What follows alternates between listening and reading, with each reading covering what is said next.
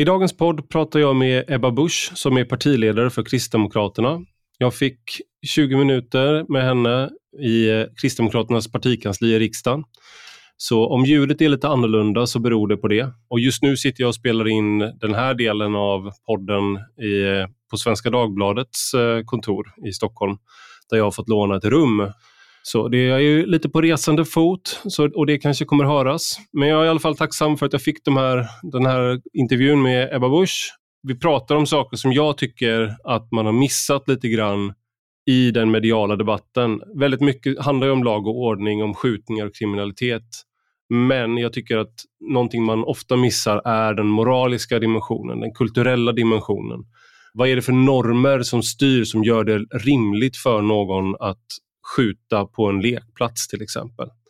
Eh, så det pratar vi en hel del om. Men eh, jag tänker att jag ska inte prata så mycket mer utan vidare till dagens gäst. Du lyssnar på Rak Höger med mig, Ivar Arpi.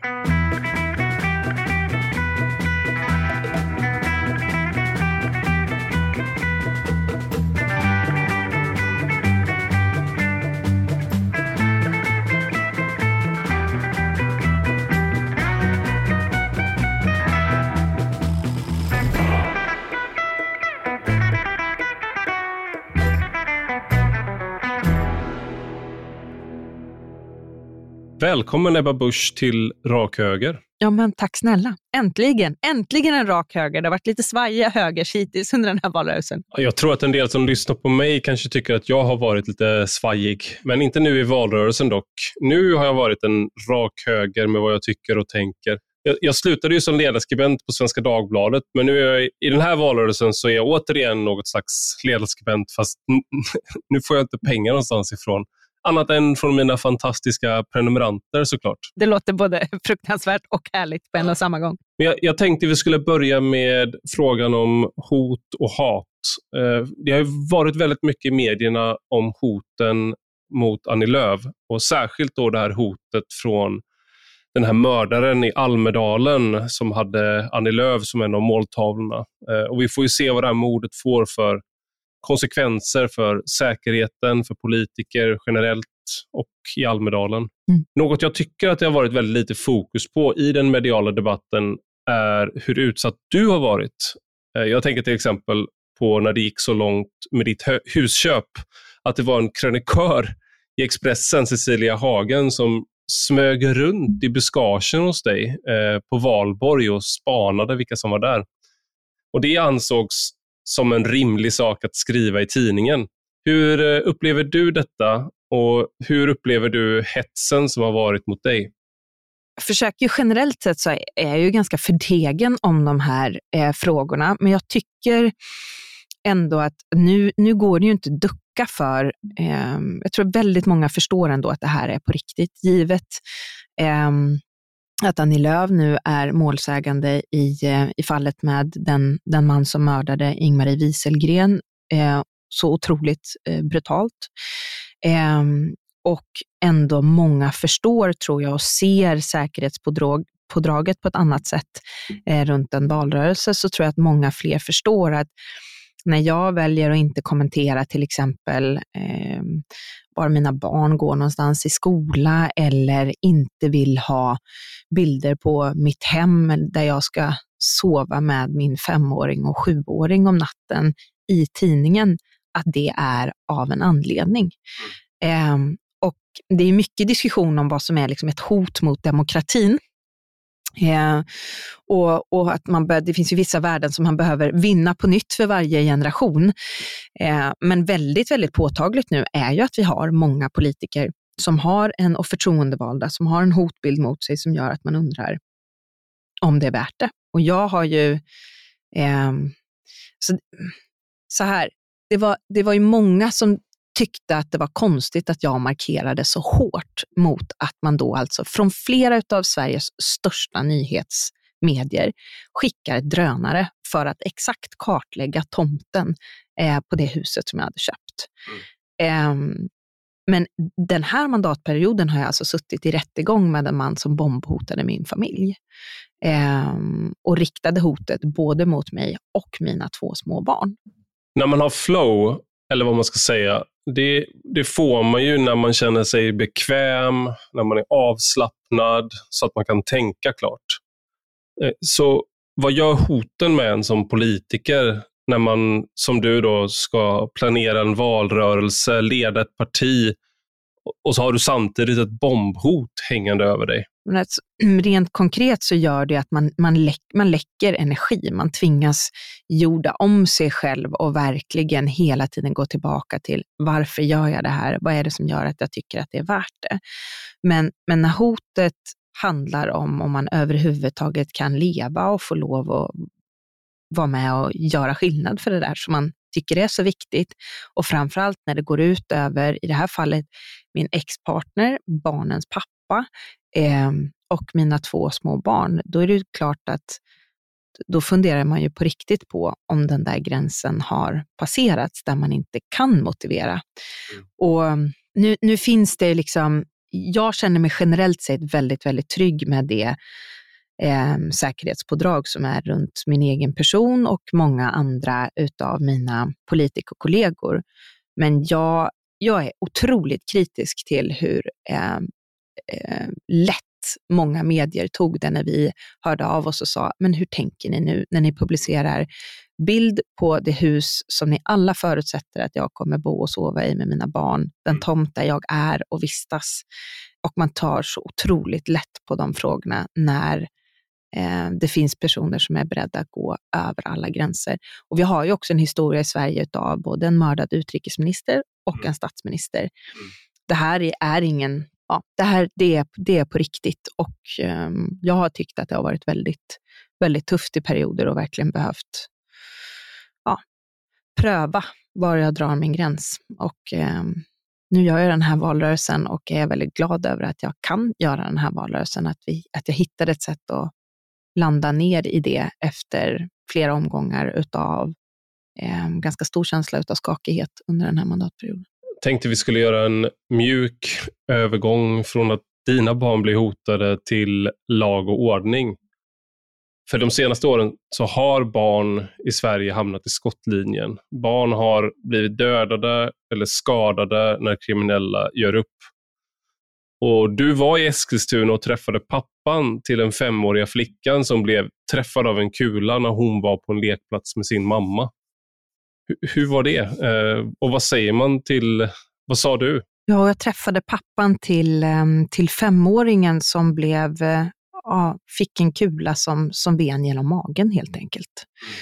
Och det här var på en dag där jag var hemma med mina barn, men jag kände bara att vi, jag har varit i Eskilstuna flera gånger alltså, när, när en brottsplats, när, när en lekplats blir en brottsplats, eh, när mitt på blanka dagen, eh, när människor är ute och leker i sitt, i sitt bostadsområde, plötsligt så dyker upp maskerade män och börjar skjuta hejvilt.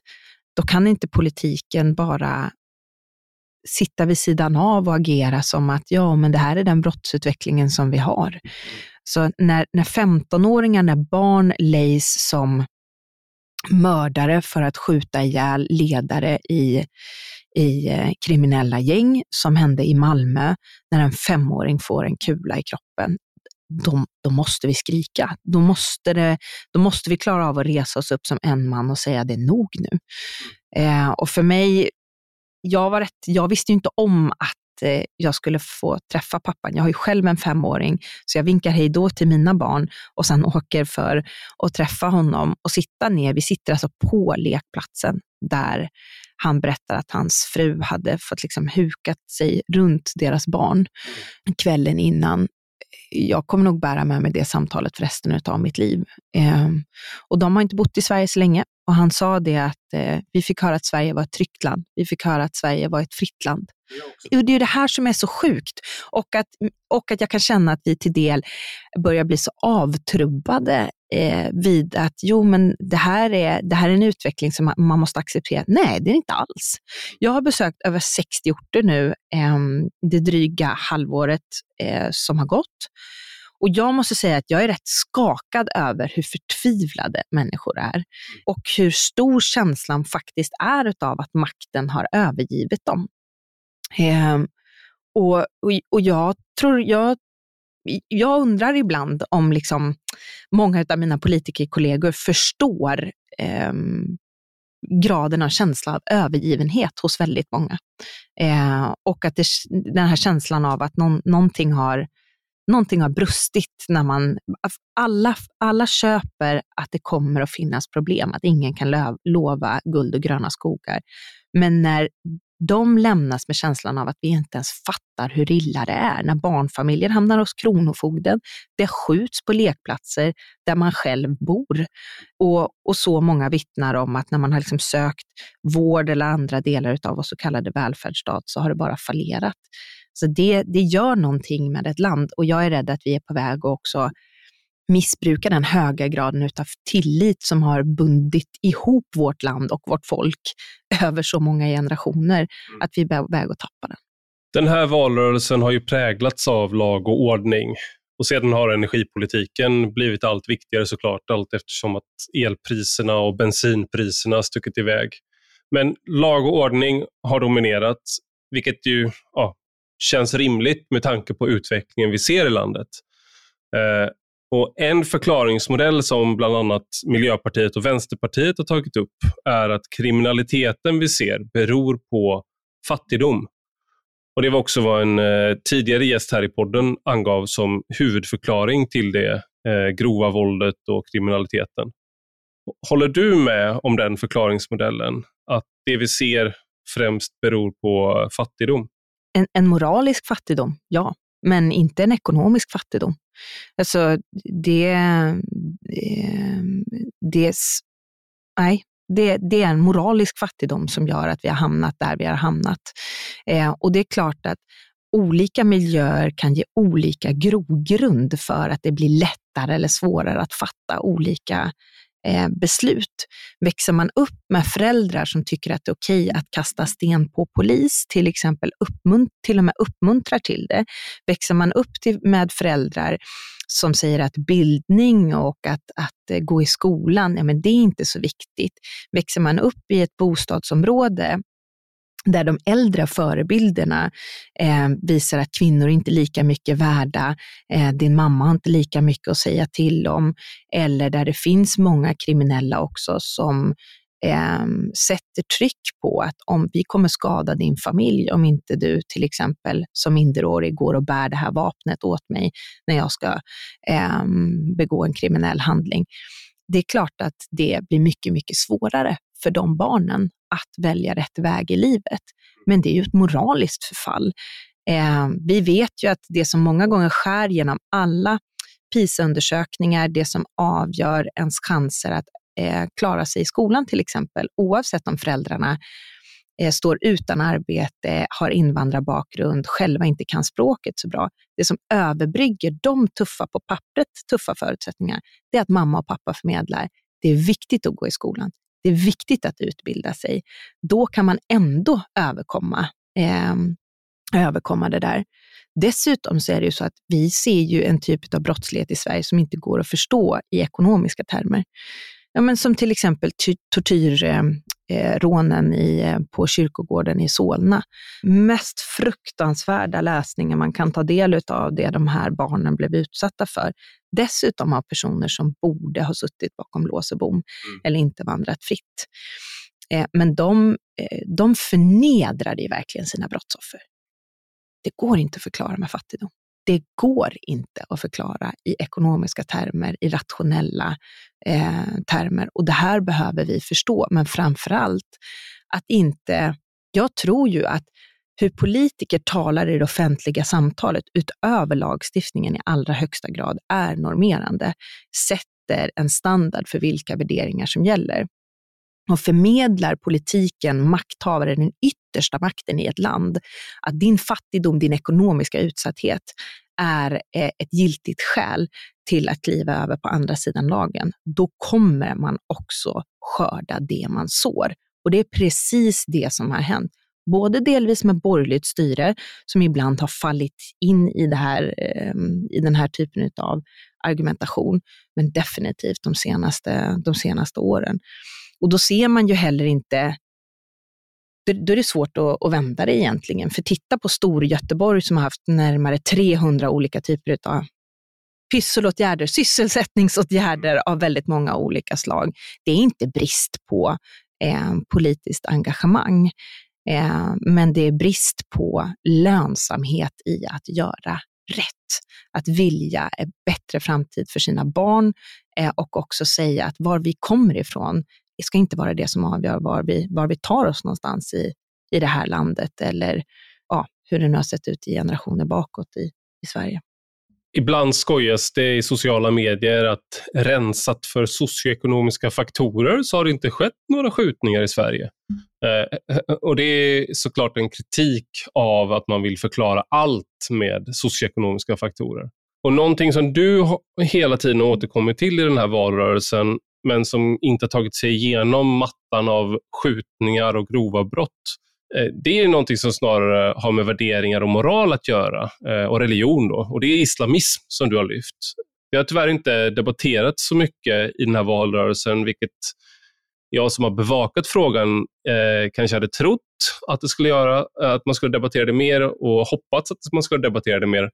Så min fråga är då, ha, har vi glömt av hotet från islamismen? Är det någonting som vi fortfarande underskattar? Vi underskattar absolut. Och jag tror att det är det största hotet egentligen. Men det är klart att den här valrörelsen har präglats jättemycket av att det största statsbärande partiet bygger en valrörelse på en person, på Magdalena Andersson som person, inte på policy. Det har gjort att det varit väldigt svårt att liksom visa på vägvalen, skulle jag säga. Eh, sen finns det fortfarande en rädsla, tycker jag, inför att vi blir liksom kallad islamist, eller blir kallad för islamofob när man lyfter, nej det har faktiskt inte hänt så ofta, eh, när man lyfter islamist, eh, islamisters eh, framväxt i, i Sverige och, eh, och problem. Eh, men också att media fortfarande famlar. Så jag upplever i utfrågningar och intervjuer att de vet inte var de var de själva borde kliva in och dra en gräns och markera gentemot mig i intervjuer när jag till exempel lyfter upp att vi har ungefär 3000 eh, liksom radikala extremister i Sverige, varav 2000 är islamister. De vet inte själva. Det är bara att titta på hela haveriet med Sveriges Radios eh, översättning, där man inte klarar av att ja, hålla tungan rätt i mun när man ska översätta islamister. Just det, du, du ville att man skulle skjuta fler muslimer enligt den somaliska redaktionen, Exakt. om jag inte minns fel. Inte den retoriska frågan kring hur det kunde bli så hål i huvudet att vi har flera hundra skadade poliser och inte radikala våldsverkare. Och, och bara det tycker jag är ett sånt, sånt tydligt eh, tecken eh, på det. Men framförallt också att man i diskussionen kring, och det kan man tycka vad man vill om konfessionella friskolor, men att man tror att det kommer att lösa problemet med religiös extremism i Sverige. Men tala klarspråk språk kring vad det största problemet är. Eh, och tala klarspråk om att det också skadar många vanliga hederliga troende svenska muslimer som vill vara fullt ut liksom assimilerade, integrerade i det svenska samhället, men som har en, en muslimsk tro, men som är anpassad efter en, en svensk kontext. Eh, de blir misstänkliggjorda överallt och de drabbas ju stenhårt av att Qatar, Saudiarabien, Turkiet tillåts styra även den liksom politiska agendan i moskéer, i stiftelser, föreningar och skolor i Sverige. Eh, och det, jag ser det som, eh, vi, vi, har sovande celler, liksom ideologiska celler i Sverige eh, och det är, kommer bara vara en tidsfråga när vi får skörda, tror jag, ännu värre frukter än vad vi har sett hittills i olika former. Eh, om man inte tar tag i det där på riktigt och vågar ta diskussionen kring bra och dålig eh, religion. Och då ska jag säga, det borde ju vara ett ramaskri redan nu. Det är nästan en kvarts miljon ungdomar som leder, lever under hedersförtrycksliknande villkor. 12 av 13 förskolor i Malmö har problem med det här. Jag mm. kommer aldrig glömma i, i Norrköping där jag eh, ja, men mötte lärare som berättade att ja, men vi ser ju klanstrukturen i vår förskola. De är fem, sex år och de har redan lärt sig eh, vem som är högre i klanen eh, och vet vem de ska skydda och ta på sig skulden eh, för. Ja, kanske ska ta råd från dem så mina barn börja lyda mig lite mer. Jag tror, jag tror att det är en kortsiktig väg att gå, alltså Ivar. Jag tror att det finns andra sätt att med kärleksfulla krav och kravlös kärlek sätta gränser för sina barn. Nej, man, man ska inte skoja om det egentligen. Hur är det nu? Hur, hur vill ni göra i Kristdemokraterna? Vill ni förbjuda utländsk eh, finansiering av moskéer? Ja, vi, vi har ju då vi vill ju då inte lägga ner alla konfessionella friskolor, men vi har gärna tuffare kontroller, stänger gärna ner skolor oavsett om de är kristna eller muslimska. Men det stora problemet är den utländska finansieringen ifrån till exempel Saudiarabien och, och Qatar. Mm. Eh, och jag tror också att man behöver se att, att eh, det måste vara okej okay att ställa andra krav på ja, är det verkligen givet att vi ska ha minareter? Man kan ge bygglov för moskéer, men är det verkligen givet att de ska eh, ha, ha den typen av uttryck? Böneutrop har vi tydligt sagt nej till tidigare. Okej, okay, men eh, någonting man ofta får frågan om då, så tänkte jag ställa den frågan till dig också. Vad är skillnaden då mellan bönutrop och kyrkklockor till exempel? Jag tycker att det är stor skillnad eh, först och främst i, i, i innehåll. Eh, och det kan ju mm, experterna dividera kring, men jag tycker att det är, är en annan sak när en, en tros liksom, budskap och liksom, andliga makt proklameras ut över ett bostadsområde och det eh, har inte klockorna har inte samma funktion som, som bönutropet. Men sen har det också att göra med vår historia, vårt arv och vår, vår kultur och där har kristendomen en särställning. Och jag tror snarare att ett land blir tryggare, ett lands befolkning blir tryggare i mötet med det nya, det främmande, om man också vågar stå för att ja, men, så här, det här är det som har skapat liksom, trygghet och rötter och stadga i vårt land och se att där har kristendomen en särställning. Det betyder inte att alla måste vara kristna idag, men det har påverkat vår lagstiftning och det har absolut det är en viktig del av vårt kulturarv också, fyllt en annan funktion genom alla tider. Okej, okay, en sista fråga, för jag vet att du har jättemycket att göra eh, och måste springa härifrån alldeles strax. Men om man nu då tvekar i valet, varför ska man rösta på Ebba Busch och Kristdemokraterna och inte något av de andra fina partierna i högerblocket? Men börja med det positiva med de andra fina partierna då. Jag kallar ju oss ibland för nystartspartierna för att jag tror verkligen att vi kan ge Sverige den, den nystart, det hopp som behövs för att kunna, inte lösa alla problem med gängkriminaliteten, men vända brottsutvecklingen. Vända problemen med eh, migrationen, få till en stram migration. Vi kommer att lösa ut förhandlingar kring energiförsörjningsfrågor, drivmedelsfrågor. Så jag kallar oss ibland för liksom ordning och reda-laget. Man får liksom ett tydligt ordning och reda baspaket. Så, va? Eh, och då kan man rösta på, på någon av oss eh, fyra, så kanske man viktar frågorna lite olika. Men om man därtill tycker att det är viktigt vad som händer med vår välfärd, man är kanske eh, borgerligt lagd och eh, orolig för eh, våra skattekronor, surt förvärvade medel som vi med vårt anletes svett har tjänat ihop och vad händer när vi lägger ja, bland de länderna som lägger absolut mest på sjukvården och ändå har vi rekordlånga vårdköer. Och ska inte det här bli ett svart hål, då måste man förändra sjukvården. Eh, och där är vi det parti som kan sjukvårdsfrågorna bäst. Vi är också det parti som verkligen har hela landet ska leva, hjärtlandsperspektivet som jag kallar det för, att man inte alltid kan utgå ifrån Stockholm, Göteborg och Malmö. Det präglar vårt parti i mycket högre utsträckning tycker jag än de, de andra partiernas partiprogram. Men det tredje och kanske viktigaste argumentet, det handlar om mod och värderingar. Vi har gått före. Vi var det första borgerliga partiet att lägga om migrationspolitiken. Vi fällde decemberöverenskommelsen. Vi efterlyste ny kärnkraft och blev klappade på huvudet i, i, eh, i förra valrörelsen. Eh, vi var först att kliva upp ur sandlådan och diskutera med alla. Det visar att vi är trygga med var vi står någonstans. Vi vågar gå före. Vi ser det komma. Eh, och jag tror att i en regering så behöver man, vi kommer att ta många tuffa eh, värderingsstrider. Eh, och det perspektivet saknas eh, ibland lite för mycket hos de andra och det kan vi stå för. Eh, kompensera för religiös analfabetism i, i andra led eh, visa på att till exempel konkret integration kan inte bara handla om språk och arbete. Fadimes pappa hade hade både språket och arbete, han mördade ändå sin dotter.